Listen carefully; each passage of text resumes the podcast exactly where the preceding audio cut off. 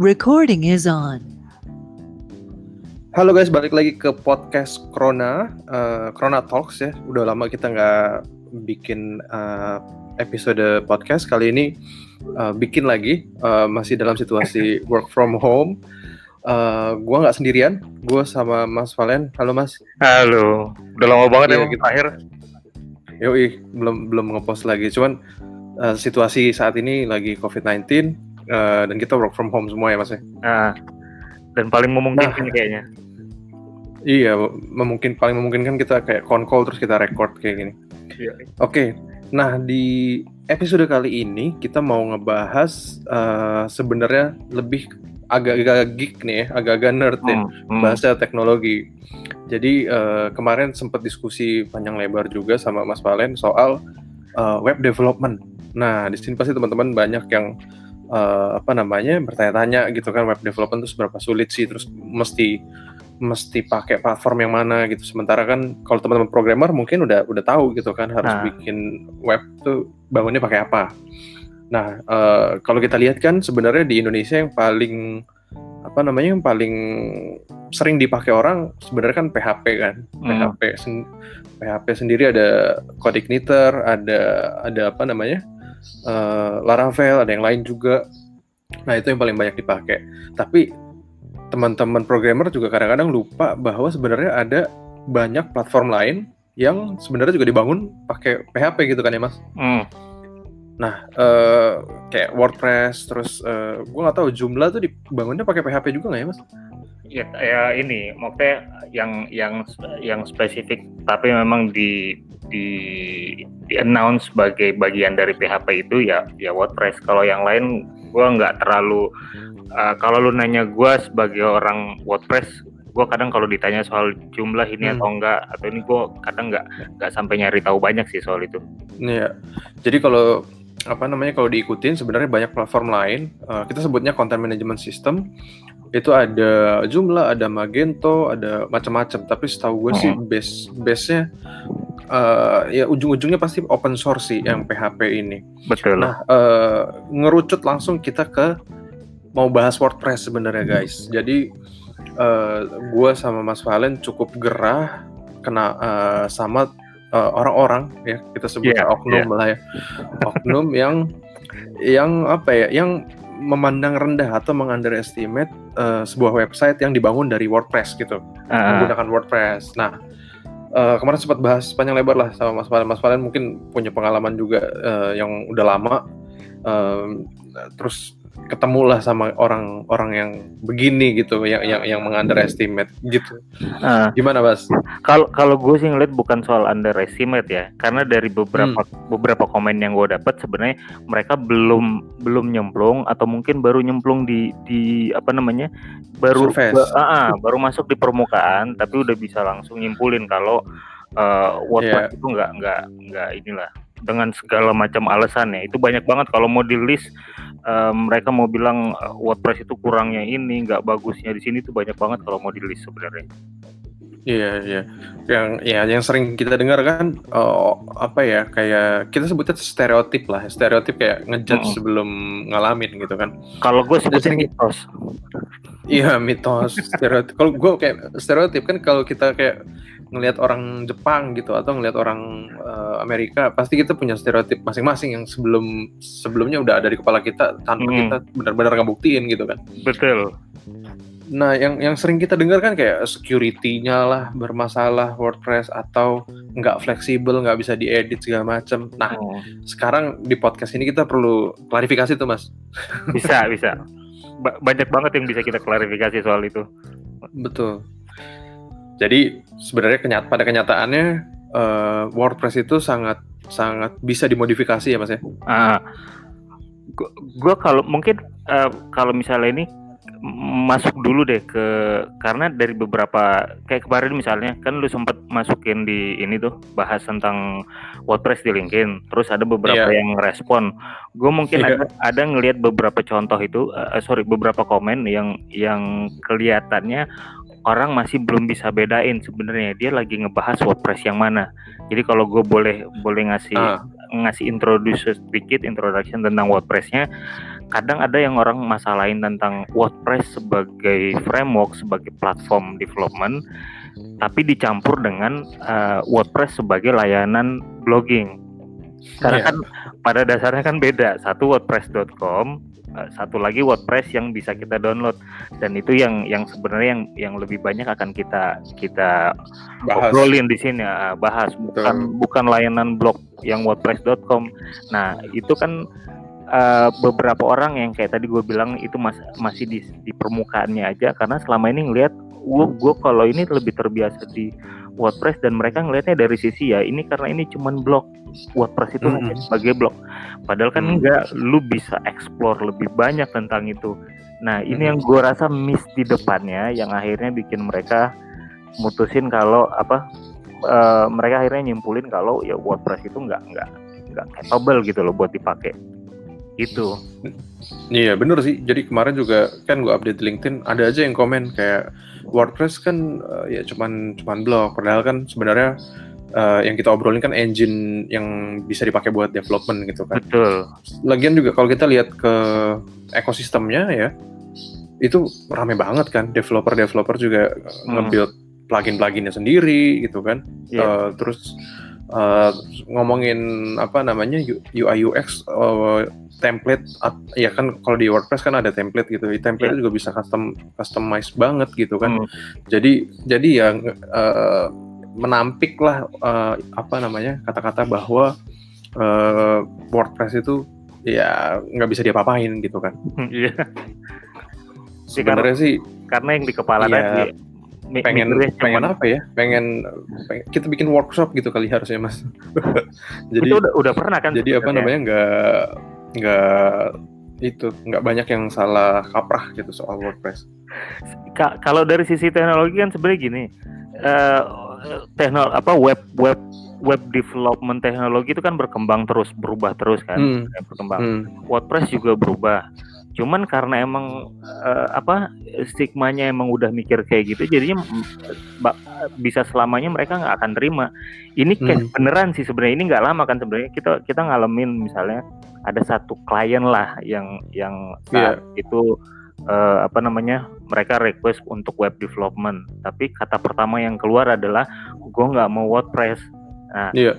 lu masih ingat kan kayak saat itu kita nanya kenapa nggak kenapa kenapa nggak mau milih WordPress itu nggak hmm. ada alasan real yang keluar dari dia selain hanya hmm. bilang bahwa WordPress itu nggak secure. Nah saat hmm. itu kan kita udah nyoba edukasi nih masalah hmm. secure atau enggak kan bukan di WordPressnya kalau di kalau hmm. kalau lu ngomong WordPress nggak secure New York Times uh, Times atau CNN yeah. juga, berarti udah pada jebol karena mereka pakai WordPress kan betul Nah, saat itu kita sempat bilang salah satu yang berpotensi bikin WordPress itu rentan sebenarnya di di level hostingnya. Kalau eh, hmm. hostingnya dari sisi hosting dia memang nggak secure atau nggak di manage dengan bagus ya, semua hmm. web di seluruh dunia pun sebenarnya berpotensi buat buat nggak secure. Iya. Iya.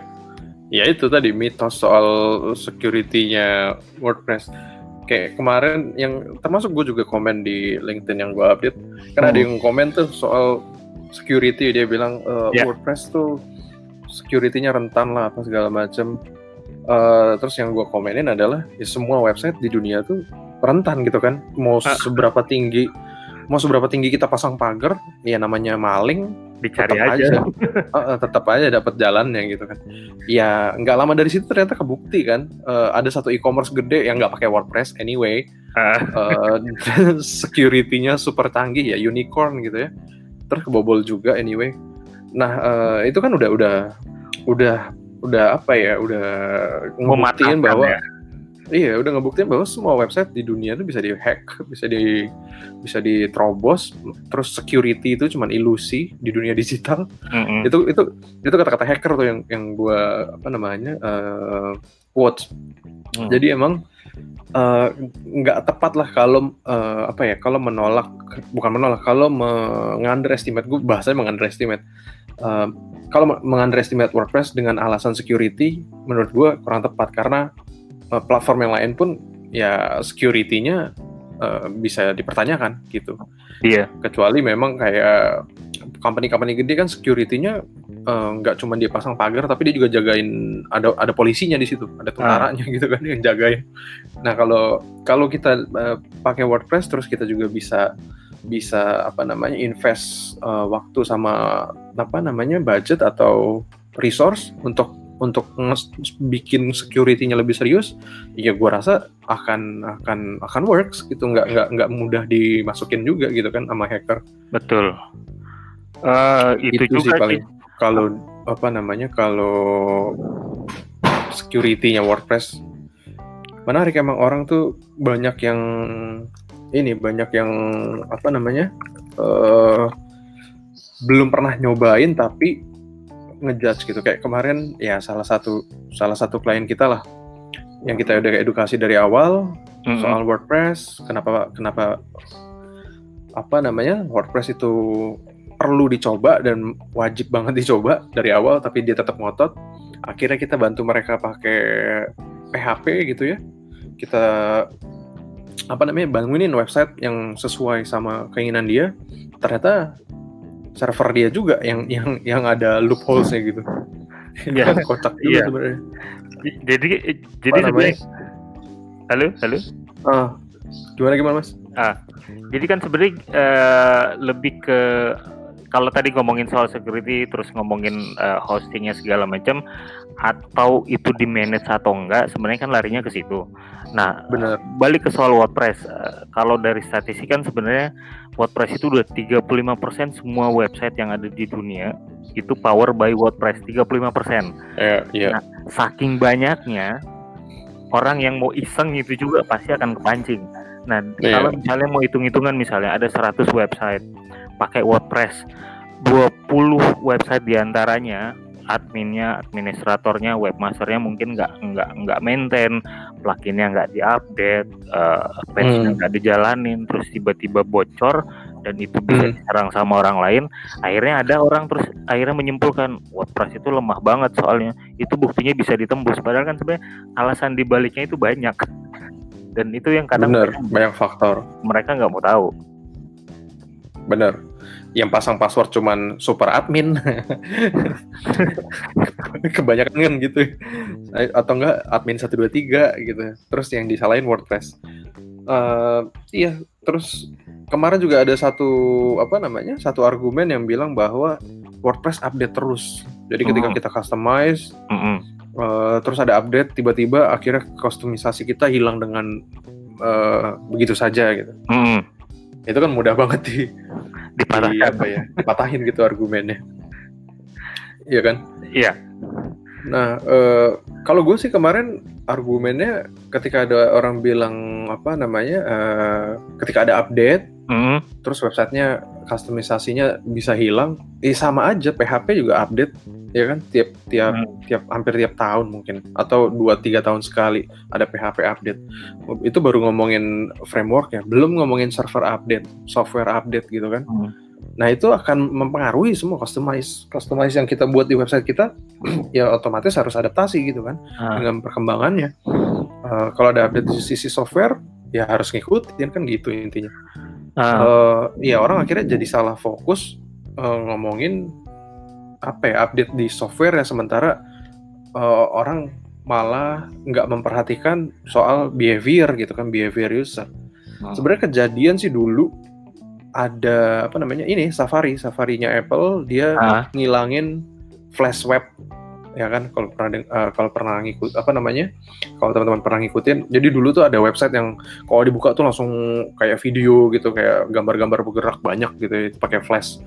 Nah di zamannya Safari dan setelah setelah Safari ngelakuin itu kayak Mozilla Chrome semuanya juga ngelakuin. Jadi Safari itu pertama kali ngelar bukan ngelarang eh, meniadakan fitur eh, untuk menampilkan website eh, yang berbasis flash ya kan Hmm. akhirnya semua browser yang baru ngikutin gitu kan jadi Hmm. nggak jadi nggak kompatibel lagi tuh website yang berbasis flash nah itu baru bisa dibilang eh, berbahaya gitu cuman kalau semua website base-nya masih sama frameworknya eh, apalagi frameworknya sama pakai PHP terus apa yang dikhawatirin kan sebenarnya gitu kan Iya. Iya, kayak itulah misalnya apa namanya yang masalah modifikasi tadi. Kenapa gue bilang di awal mereka ngelihatnya dari permukaan? Karena masalah masalah modifikasi, halo? Iya ada ada mas. Uh, uh, masalah modifikasi itu kan uh, kalau di WordPress sendiri itu ada mekanismenya. Jadi kalau lu udah uh, WordPress kan punya core. Nah uh, ada modifikasi atau apa pun lu tambah atau uh, lu bikin satu modul baru yes, kalau misalnya mekanismenya kita ikutin bener ya itu pasti dibikin di di di level yang berbeda jadi kalau hmm. nanti core-nya ternyata mau diupdate itu nggak hilang.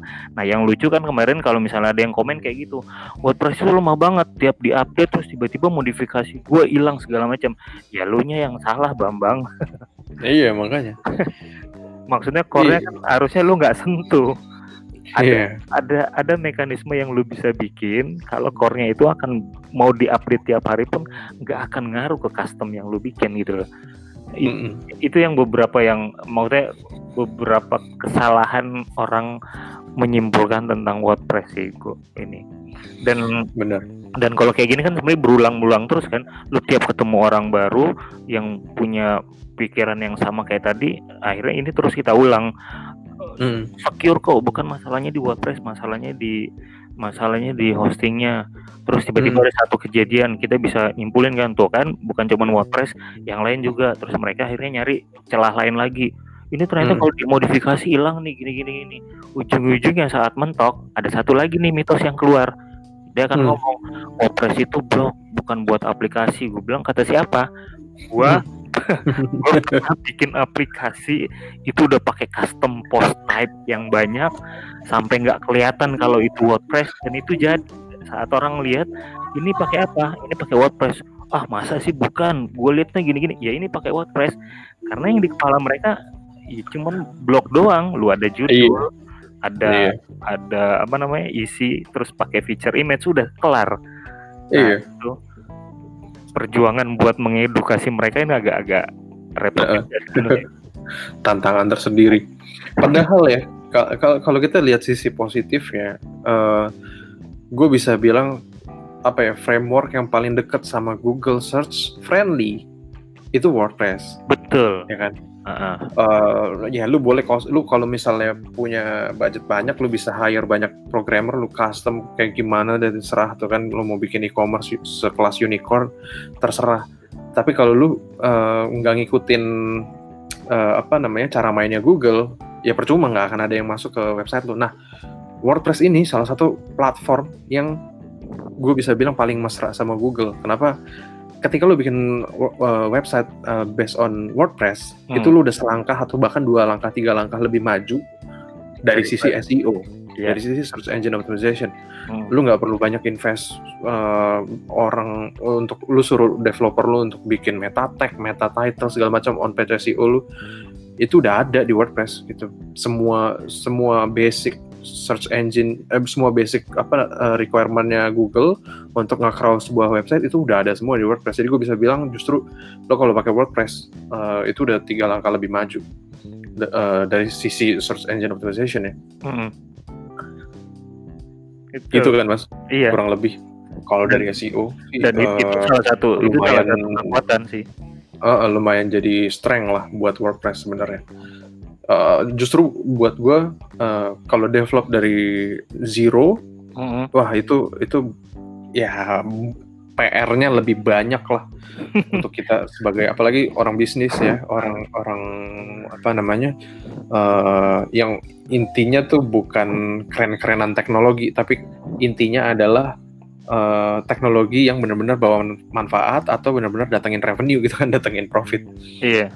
Gitu karena itu sih penyakitnya gue juga gue juga juga sering ketemu uh, yang banyak meremehkan WordPress justru datangnya dari uh, apa namanya space tech nih orang-orang teknologi orang-orang teknologi kayak yeah. mereka punya egonya sendiri mereka hmm. mereka merasa jago misalnya di code igniter mereka jago di apa namanya uh, Ruby on Rails misalnya atau atau apa namanya React JS ya akhirnya mereka ngikutin egonya dan ya memandang sebelah mata WordPress. Kalau yang gue sering temuin sih kayak gitu mas. Hmm. kalau kalau gue sih lebih ke ini juga. Mungkin gue ngasih satu Jadi- contoh sih. Masalah halo? Masalah Iya. eh, kita ngebangun dari nol. Jadi kalau ngebangun dari nol tadi kalau pakai PHP kan eh, lumayan tuh. Dia akan makan waktu lama tuh timelinenya akan nambah sementara Hmm. kalau dia starting misalnya dia pakai dia pakai WordPress akan jauh lebih lebih ringkas. Nah kalau Hmm. WordPressnya udah jadi, terus ada satu trik ini, ini ini ada hubungannya dengan ada yang komen kemarin. Dia bilang gini, "Eh, WordPress itu bagus, cuman saat kalau lu butuh feature yang bagus, lu harus ngeluarin duit karena harus beli premium plugin.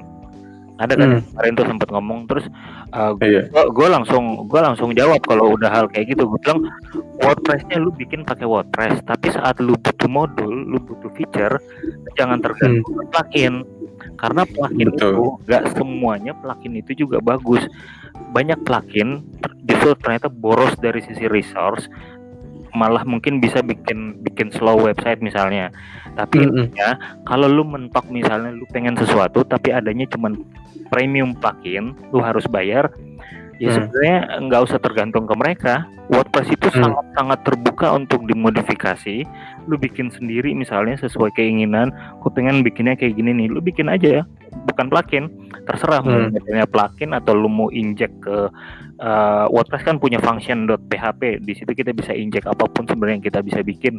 Lu injek lu bikin sendiri lu taruh di situ lu bisa jalanin seberapa pun fitur yang lu mau ya lu bikin sendiri. Nah makanya eh, masalah premium atau berbayar tadi kan akhirnya jadi mentok sendiri. Karena pada Hmm. dasarnya WordPress itu platformnya udah bagus dan core-nya udah bagus di luar itu lu mau nambah apa pun sebenarnya open banget Hmm. dokumentasi lengkap, lu mentok tanya ke community, nggak ada yang nggak bisa. Makanya kalau ditanya, kalau gue misalnya ditanya apa sih yang eh, nggak bisa dibikin pakai WordPress, bisa kok. Lu mau bikin database, lu mau bikin aplikasi e-commerce, lu mau Hmm. ada urusannya sama eh, apa namanya payment atau library Hmm. atau apa pun itu bisa. Kalau jawabannya lu agak males, lu cari pluginnya, pluginnya itu banyak banget. Tapi kalau Hmm. misalnya agak rajin, lu lebih concern ke masalah eh, apa namanya punya gua nanti bisa lebih rapi atau gimana, ya lu bikin sendiri. Jadi Hmm, intinya sih iya. sebenarnya di situ. bener bener bener oh ya iya orang orang apa ya udah terpatron di kepalanya bahwa WordPress tuh nggak bisa diapa-apain jadi jadi nggak mau dipelajarin gitu kan Iya. Mm. padahal luas banget gitu itu yang bisa di custom banget eh, apa namanya gua gua aja ngerasa tiap hari misalnya kalau gua dapet referensi baru tentang WordPress kayaknya nggak pernah Hmm. cukup gitu loh wah ada lagi yang baru nih oh ternyata bisa Iya. dibikin gini nih gitu iya iya iya gue ya gue pribadi gue dulu kerja di salah satu inilah salah satu perusahaan software lah Mm-mm. itu kita bikin aplikasi ya aplikasinya memang custom pakai PHP segala macam cuma kan itu urusan back end websitenya front endnya Mm. ya kan untuk untuk apa namanya ya website gitu untuk untuk kita bisa bilang apa namanya eh etalasenya lah untuk bukan etalase lobby gitu kan lobby Hmm. sampai orang akhirnya masuk masuk lebih jauh ke produk-produk kita gitu itu pakai WordPress nggak nggak nggak melulu harus custom gitu. Walaupun aplikasinya custom karena kan aplikasinya ERP segala macem gitu kan. Iya. itu custom udah pasti ya kan eh, apa namanya aplikasi. Cuman ngejualinnya landing page ya website ya itu WordPress semuanya. Iya. waktu gue eh, ba- dan gue ketemu banyak banget company yang kayak gitu. Jadi eh, di depan udah WordPress aja udah. Ah. Dan apa sih? eh, Jadi, dan ya itu tadi, gue ngerasa kalau dari semua tadi nih eh, yang yang kita dapat kendalanya saat kita ngobrol Hmm. dengan orang, terus dengerin mereka ngasih tahu tentang eh, apa namanya seribu satu, ah seribu satu lah ya istilahnya. Kayak yang gue baca kemarin, eh, apa reason why WordPress is really bad idea. Gue bilang lu mau ngasih seribu alasan pun kenapa lu bilang itu bad idea, itu semuanya bisa dibantah dan itu bisa dibuktikan gitu. Eh, yang paling simpel kan sebenarnya kayak tadi yang gue sempat sebut banyak media-media media-media berita internasional yang hmm. dan rata-rata itu mereka semuanya pakai WordPress. Secara hmm. logika satu um, media itu kan nggak mungkin dengan gampang memutuskan masa sih kalau WordPress rentan itu terus mereka mau milih itu sebutlah hmm. Time atau The New York Times misalnya itu pakai hmm. WordPress apa orang-orang IT-nya misalnya nggak mikirin lo lu jangan pakai apa kok kita pakai WordPress itu kan rentan segala macam hmm. buktinya kan enggak terus yang kedua hmm. um, mereka sampai detik ini mungkin ada serangan satu dua cuman fine fine aja tuh sampai sekarang kita nggak pernah iya. dengar berita misalnya mereka keserang apa atau iya. uh, mereka down gara-gara diserang DDoS atau hacker atau apa nggak ada iya. kan terus yang gak ketiga ada. yang ketiga dari sisi traffic tahulah portal-portal luar trafficnya segimana sih hmm. uh, sekuat itu mereka jalanin jalanin portal beritanya mereka pakai WordPress dan itu nggak terjadi apa-apa jadi gue pikir nggak sangat nggak beralasan kalau ada yang bilang uh, WordPress itu nggak kuat, dia nggak secure. Gue bilang ya lu lihat aja hmm. bukti-buktinya banyak banget iya. yang yang yang pakai WordPress gitu. Iya, iya benar sih.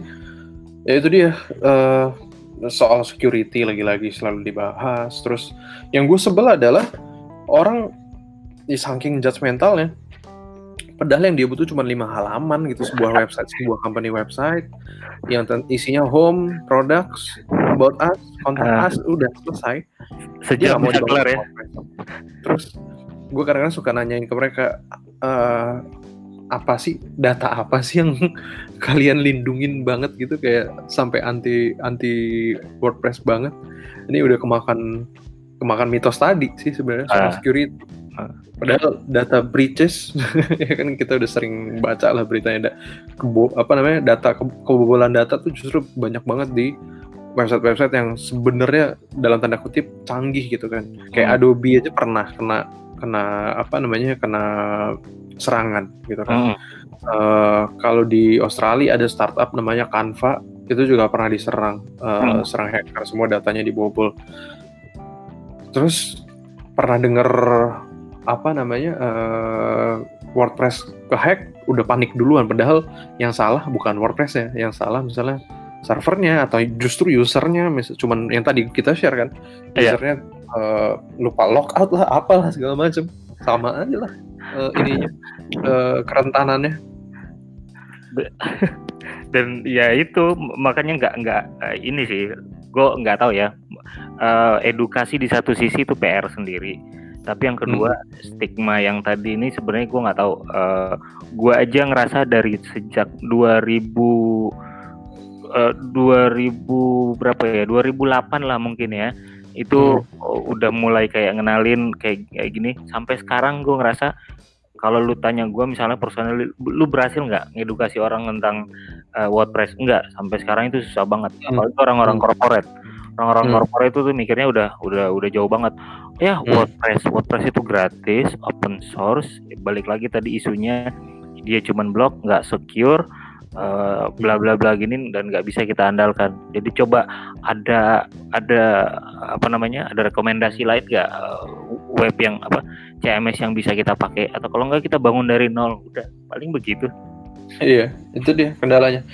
Terus begitu kita ada kasih lihat nih uh, untuk custom misalnya pakai apa ya pakai CI atau pakai Laravel hmm. kasih lihat kita punya resource planningnya langsung mental sendiri gitu dikasih WordPress yang benar-benar solusi banget uh, di dipandang sebelah mata tapi mau bangun dari nol ya dari sisi mereka juga kebiasaan biasanya company atau brand atau apa pun lah yang mau bikin website biasanya short in budget sama short in time. terus dia nolak WordPress terus kita ya ya ya good luck lah Rasanya pengen ngomong gitu ya. Uh, gue kepikiran nih sebenarnya cara masuknya. Sekalian gue enggak. Cara masuknya sebenarnya gini. Kalau dari penjelasan teknis tadi udah nggak masuk, gue paling balik ke ke contoh yang tadi. Gue sebutin beberapa situs-situs yang luar yang gede yang sebenarnya hmm. proven dia jalanin WordPress. Ini kalau gue hmm. lihat nih Bloomberg, terus uh, apa namanya Mercedes-Benz, Beyonce, uh, hmm. terus uh, ini kedubes Swedia atau apa gitu itu juga pakai majalah hmm. Vogue juga pakainya WordPress hmm. belum yang tadi yang yang rata-rata blognya ini aja deh nggak usah jauh-jauh blognya apa uh, Facebook apa Twitter sih itu juga pakai WordPress kan sebenarnya jadi, hmm, hmm, hmm, hmm. jadi yang tadi itu udah bisa dijauhin nah ini gue rasa ini bisa jadi salah satu cara buat masuk uh, ngedukasi hal-hal yang kayak gitu karena mm-hmm. uh, satu-satunya yang bisa ngebuktiin bahwa lu mau lihat contoh hidup nih yang yang bisa ngebuktiin kalau WordPress itu kuat. Nah, itu lu ngelis aja 10 20 website terkenal hmm. di dunia yang jalan pakai WordPress sudah itu lempar dulu ke mereka. Terus tanya balik, lu bisa buktiin nggak kelemahannya apa? Kalau lu bisa buktiin kelemahannya, kita nggak pakai WordPress gitu aja kali. iya, iya benar sih. Uh, ya kita challenge balik lagi aja gitu kan. Ah. suruh bukti kan kalau kalau dia nanya ke portfolio kita ya portfolio kita bukanlah dunia lah misalnya cuman kan dia masih hmm. bisa bantah kan oh itu kan bisa jadi kliennya minta begini atau gini hmm. ya hmm. atau inget deh kita kayaknya pernah ini apa namanya kita pernah pitching kan ya Uh, hmm. kalau nggak salah briefnya itu kita diminta buat bikin aplikasi isinya tentang knowledge management system. Gue kalau nggak salah hmm. ada one of automotive company. Gue enggak. Uh nggak usah kita biggest brand ya one of biggest brand lah ya. Uh -huh. terus kan saat itu kita propose kan sebenarnya lo kalau mau hmm. bikin kayak gini dari sisi konten pasti akan bagus karena searchingnya juga udah udah komplit tapi kalau hmm. lu mau bikin knowledge management system yang punya leveling segala macam lu bisa pakai WordPress terus yang kedua ini bisa otomatis jadi mobile application tanpa lu harus bangun lagi dari awal hmm. bisa jadi versi Android atau iOS hmm Nah, hmm. itu mereka udah convince sih sebenarnya. Dan, hmm. dan kita kan juga udah sempat present kan kalau hasilnya kayak begini, workflow-nya kayak begini, secara teknis akan kayak begini dan mereka ngerti karena kan kita kalau nggak salah presentnya ke orang teknis juga ya selain hmm, orang, orang nah, mereka ngerti. Cuman kan akhirnya kan ternyata nggak nggak nggak dapat gua nggak tahu alasannya apa. Cuman saat hmm. itu kalau kalau ini kalau gua ngerasa sih ya kita sebenarnya udah berhasil buat buat ngeduket convince. Uh, uh, convince ke mereka kalau ini loh WordPress kita bikin lu bukan bikin yeah. blog gue bikinin yeah. aplikasi malah. Gitu. Iya. Iya. Nggak apa-apa sih. Gue justru kayak makin lama makin aware bahwa ini orang perlu diedukasi. Mungkin kita emang emang apa namanya belum jodoh misalnya sama mereka. Tapi apa namanya gue curiga mereka misalnya kalau mereka pilih uh, vendor lain gitu mereka akan minta pakai WordPress gitu gara-gara kita. Nggak apa-apa iya. juga kan? Uh, iya. Supaya supaya kan, edukasi juga yang lain oh ternyata pakai WordPress bisa gitu. Tailnya kan ke situ. Besok-besok dia dia mungkin masih akan inget gitu kan. Wah gue hmm. dulu uh, sempat sempat punya apa namanya punya penilaian yang rendah. Tapi sejak sejak uh, gue dapet presentasi dari ini uh, pikiran gue berubah ya bisa aja. Kita nggak tahu kan sebenarnya. Iya iya. Iya itu sih. Uh, ya kegelisahan ya. Kegelisahan ini kenapa sih orang orang kok uh, ngejudge sebuah platform uh, dengan mudah tanpa pernah ngoprek gitu? Intinya gitu kan orang-orang hmm. kan. Kalau gue justru curiga orang-orang teknologi ini ya ya merasa merasa apa ya merasa ego sendiri gitu. Kayak sama kayak orang ngeband mungkin ya. Uh, yang main yang main bass mandang drum ah drummer tuh biasanya apa gitu punya stereotipnya drummer tuh biasanya nggak asik dia cuma ngobrol atau apa segala macam dia asik aja sama bassnya sendiri gitu kan. Sama gitaris juga drummer juga. Gue rasa kayak gitu sih. Orang yang udah misalnya uh, misalnya kuat di PHP, udah dia mandang mandang rendah yang lain gitu. Dia akan lihat Ruby on Rails, oh Ruby on Rails nggak ada ekosistemnya, orangnya forumnya dikit gitu misalnya. Terus dia ngeliat WordPress, ah WordPress uh, apa namanya open source segala macam selalu direndahin. Gue rasa sih ada entah entah besar atau sedikit ada kadar itu, kadar egoisnya uh, orang-orang teknologi sih menurut gue. Iya ini nyambung yang tadi gue baru ada baru ada data nih gue akhirnya harus harus bongkar data dikit uh, hmm. mumpung inget jadi dari top 100 website di seluruh dunia itu hmm. kurang lebih 15% itu power by WordPress Terus kalau mau disebutin yang tadi buat yang nambah yang tadi ya, itu ada Walt, Walt, uh, Walt Disney Company, Sony Music, TED, Nah. NBC, CNN, Facebook, Newsroom itu pakai WordPress, The New York Times, Mercedes-Benz, TechCrunch, People Magazine, Hmm. CBS Radio, Obama Foundation, Sweden Official Site tuh situs-situs Hmm. negaranya Swedia malah, Rolling Iya. Stone, Prime Minister Office Government of India, UPS. Terus kalau Iya. di, di lokal yang yang yang yang terkenal apa ya? Oh terakhir harian Kompas itu pakai WordPress sekarang, kompas.id itu pakai WordPress. Nah, nah itulah. Mudah-mudahan teman-teman yang dengerin podcastnya terbuka bahwa nggak eh, nggak melulu PHP Laravel tuh keren gitu, nggak melulu eh, PHP Kotik Nitro tuh keren, tapi cobalah lu kulik lah. Ini Gitu, bukan ofensif, bukan ofensif ke anak-anak Laravel CI ya. Iya, nggak nggak offense, cuman eh, ya lu kulik dulu WordPress sampai lu benar-benar tahu lu bisa ngapain aja di WordPress, baru lu eh, boleh ngejudge gitu. Jangan lu nggak pernah ngapa-ngapain di WordPress terus tiba-tiba bilang ah, open source gitu. Di di apa namanya di pandang rendah lah gitu, di pandang sebelah mata. Mudah-mudahan sih berpengaruh lah podcast kita kali ini, Mas Betul. mengedukasi orang-orang yang apa namanya eh, pesimis gitu ya Oh. sama WordPress. Eh terakhir Gue Terakhir- nggak tahu itu kenapa awalnya bisa begitu kan. Eh terakhir itu kita bikin workshop kan udah setahun yang lalu kan. Ada sih Hmm. sebenarnya keinginan buat apa namanya? buat buat bikin kayak gini lagi cuman kita lihat lah ya. Mungkin setelah setelah pandemi ini lewat kita bisa bisa Iya, mikirin plan ke arah situ. yes benar. Itu aja sih mungkin ya yang kita mau curhatin di apa namanya di kegelisahan kali ini Eh, di tengah-tengah pandemi karena banyak request yang mau minta bikin website lah, meminta bikin aplikasi, cuman eh, belum-belum tiba-tiba udah dibilang eh, apa namanya bangunlah website pakai apa pun asalkan jangan WordPress. Wah itu udah Heeh. udah bikin gelisah banget sih itu. Kalau gua merasa harga diri gua di alah Iya. Oke lah kalau gitu. Lo ada lagi yang mau ditambahin nggak mas? Ah, paling sih itu. Jadi eh, mungkin lebih ke ini aja, lebih ke kesimpulannya aja tadi. Eh, Lebih Hmm. banyak yang orang tahu di luar itu, itu lebih ke Hmm. arah mitos karena memang belum kalau gue lihat emang belum pernah dibuktiin langsung. Jadi saran Hmm. gue adalah lu nyemplung aja ke WordPress, lu cari tahu kalau emang lu mentok dan emang nggak puas dan lebih banyak masalah yang lu dapetin keluar aja, lu pakai yang lain gitu. Jadi nggak Iya. nggak dicegah sih tapi setidaknya lu jangan jangan judging eh, sebelumnya tapi sebelum lu ngerasain sebelum lu nyemplung di situ terus Hmm. tiba-tiba jadi ya jangan jadi sebenarnya eh, WordPress itu open lu bisa bikin apa aja eh, lu bisa ngembangin apa aja dan itu free. Habis Hmm. itu kalau lu punya kreativitas yang banyak lu bisa bongkar plugin ada themes tersedia banyak. Lu nggak puas Hmm. dengan ribuan themes dan plugin itu lu bikin sendiri pun juga bisa. Jadi kemungkinannya gede banget itu balik ke masing-masing orang sih cuman kalau kita ya karena emang beberapa beberapa pengalaman yang kita handling atau mungkin dari sisi klien kita kan kejadiannya kayak begini jadi kita tetap mau edukasi se sampai se, Se- ah, sebisa mungkin lah ya. bisa mungkin lah kita edukasi paling itu sih Hmm. kalau gua Hmm.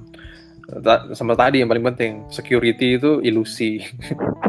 jadi ya, jadi kalau mau website anda anda semua itu aman, ya pakailah SSL, pakai pa- pagerin lah, pagerin semua lubang ditutup. Eh, bila perlu kayak bank harus sewa hacker atau penetration tester gitu ya.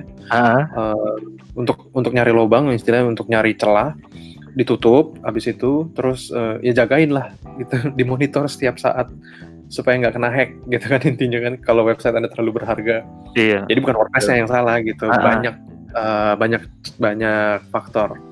Betul. Oke paling itu sih. Kalau dari gue juga mas. Iya. sebelumnya kita apa namanya Nanti kalau ada yang nanya misalnya. bikin podcast lebih sering sih kepinginnya. Supaya juga bermanfaat sama sama teman-teman yang dengerin gitu kan.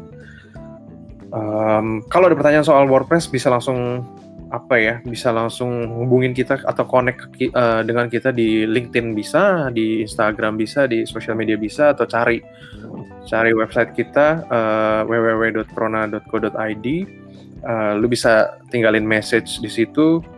Lu bisa tanya-tanya tentang uh, tentang WordPress atau tentang apa pun yang lo mau lo tanyain. Ter, uh, apa namanya? Uh, jangan lupa juga follow sosial medianya Corona ya. Dan jangan lupa nih subscribe di apa namanya podcastnya Corona Talks supaya nanti juga apa namanya ada kalau nggak salah teman-teman kita di divisi lain lagi berencana untuk bikin konten lain yang lebih ringan. Kalau ini kan konten yang versi nerd nih, versi versi apa mas? Versi uh, geek lah ya. Gitulah. Uh. Nanti kalau misalnya ada pertanyaan gitu terus harus kita bahas lagi di podcast sih ya monggo-monggo aja. Kita lihat aja nanti uh, ininya gimana. Iya. Oke okay lah uh, pokoknya jangan lupa subscribe uh, nanti nantikan juga channel apa namanya uh, episode episode podcast kita Corona Talks yang lain dari tim uh, Corona yang lain divisi yang lain. Oke okay, guys thank you so much uh, for listening. Sampai ketemu di podcast episode selanjutnya bye bye thank you mas Valen. Thank you, thank you. Yeah, thank you